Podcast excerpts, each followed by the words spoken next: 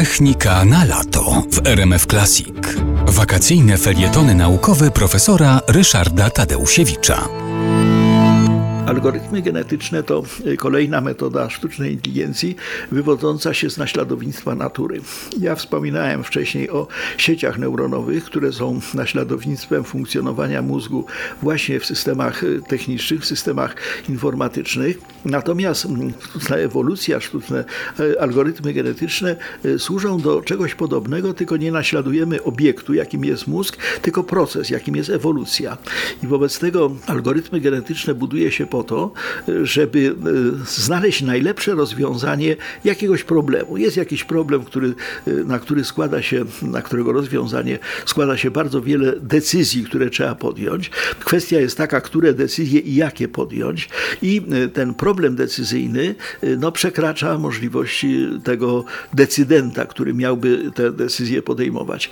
Okazuje się, że tutaj można zrobić sytuację taką, zamiast żywego osobnika, który ma pewne pewne swoje cechy zakodowane w swoim chromosomie, w swoich genach, w swoim kwasie dezoksyrybonukleinowym, można zbudować wirtualnego osobnika, którego elementami chromosomów, tymi genami będą te składowe tej decyzji. One się będą zmieniały. Więc w związku z tym budujemy takiego osobnika.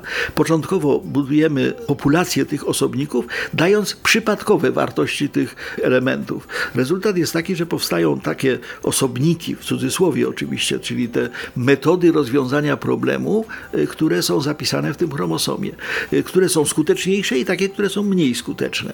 Wobec tego wybieramy te skuteczniejsze, tworzymy z nich y, takie zespoły rodzicielskie, łączymy je na zasadzie podobnej jak rozmnażanie w przypadku ssaków, mianowicie te dwa elementy, które akurat były najbardziej successful, najbardziej najlepsze wyniki miały, wymieniają się materiałem genetycznym, powstaje następne pokolenie, które ma y, elementy tego y, chromosomu matki i ojca, prawda? One są jak gdyby wymieszane. Jest to takie, co się nazywa w biologii crossing over.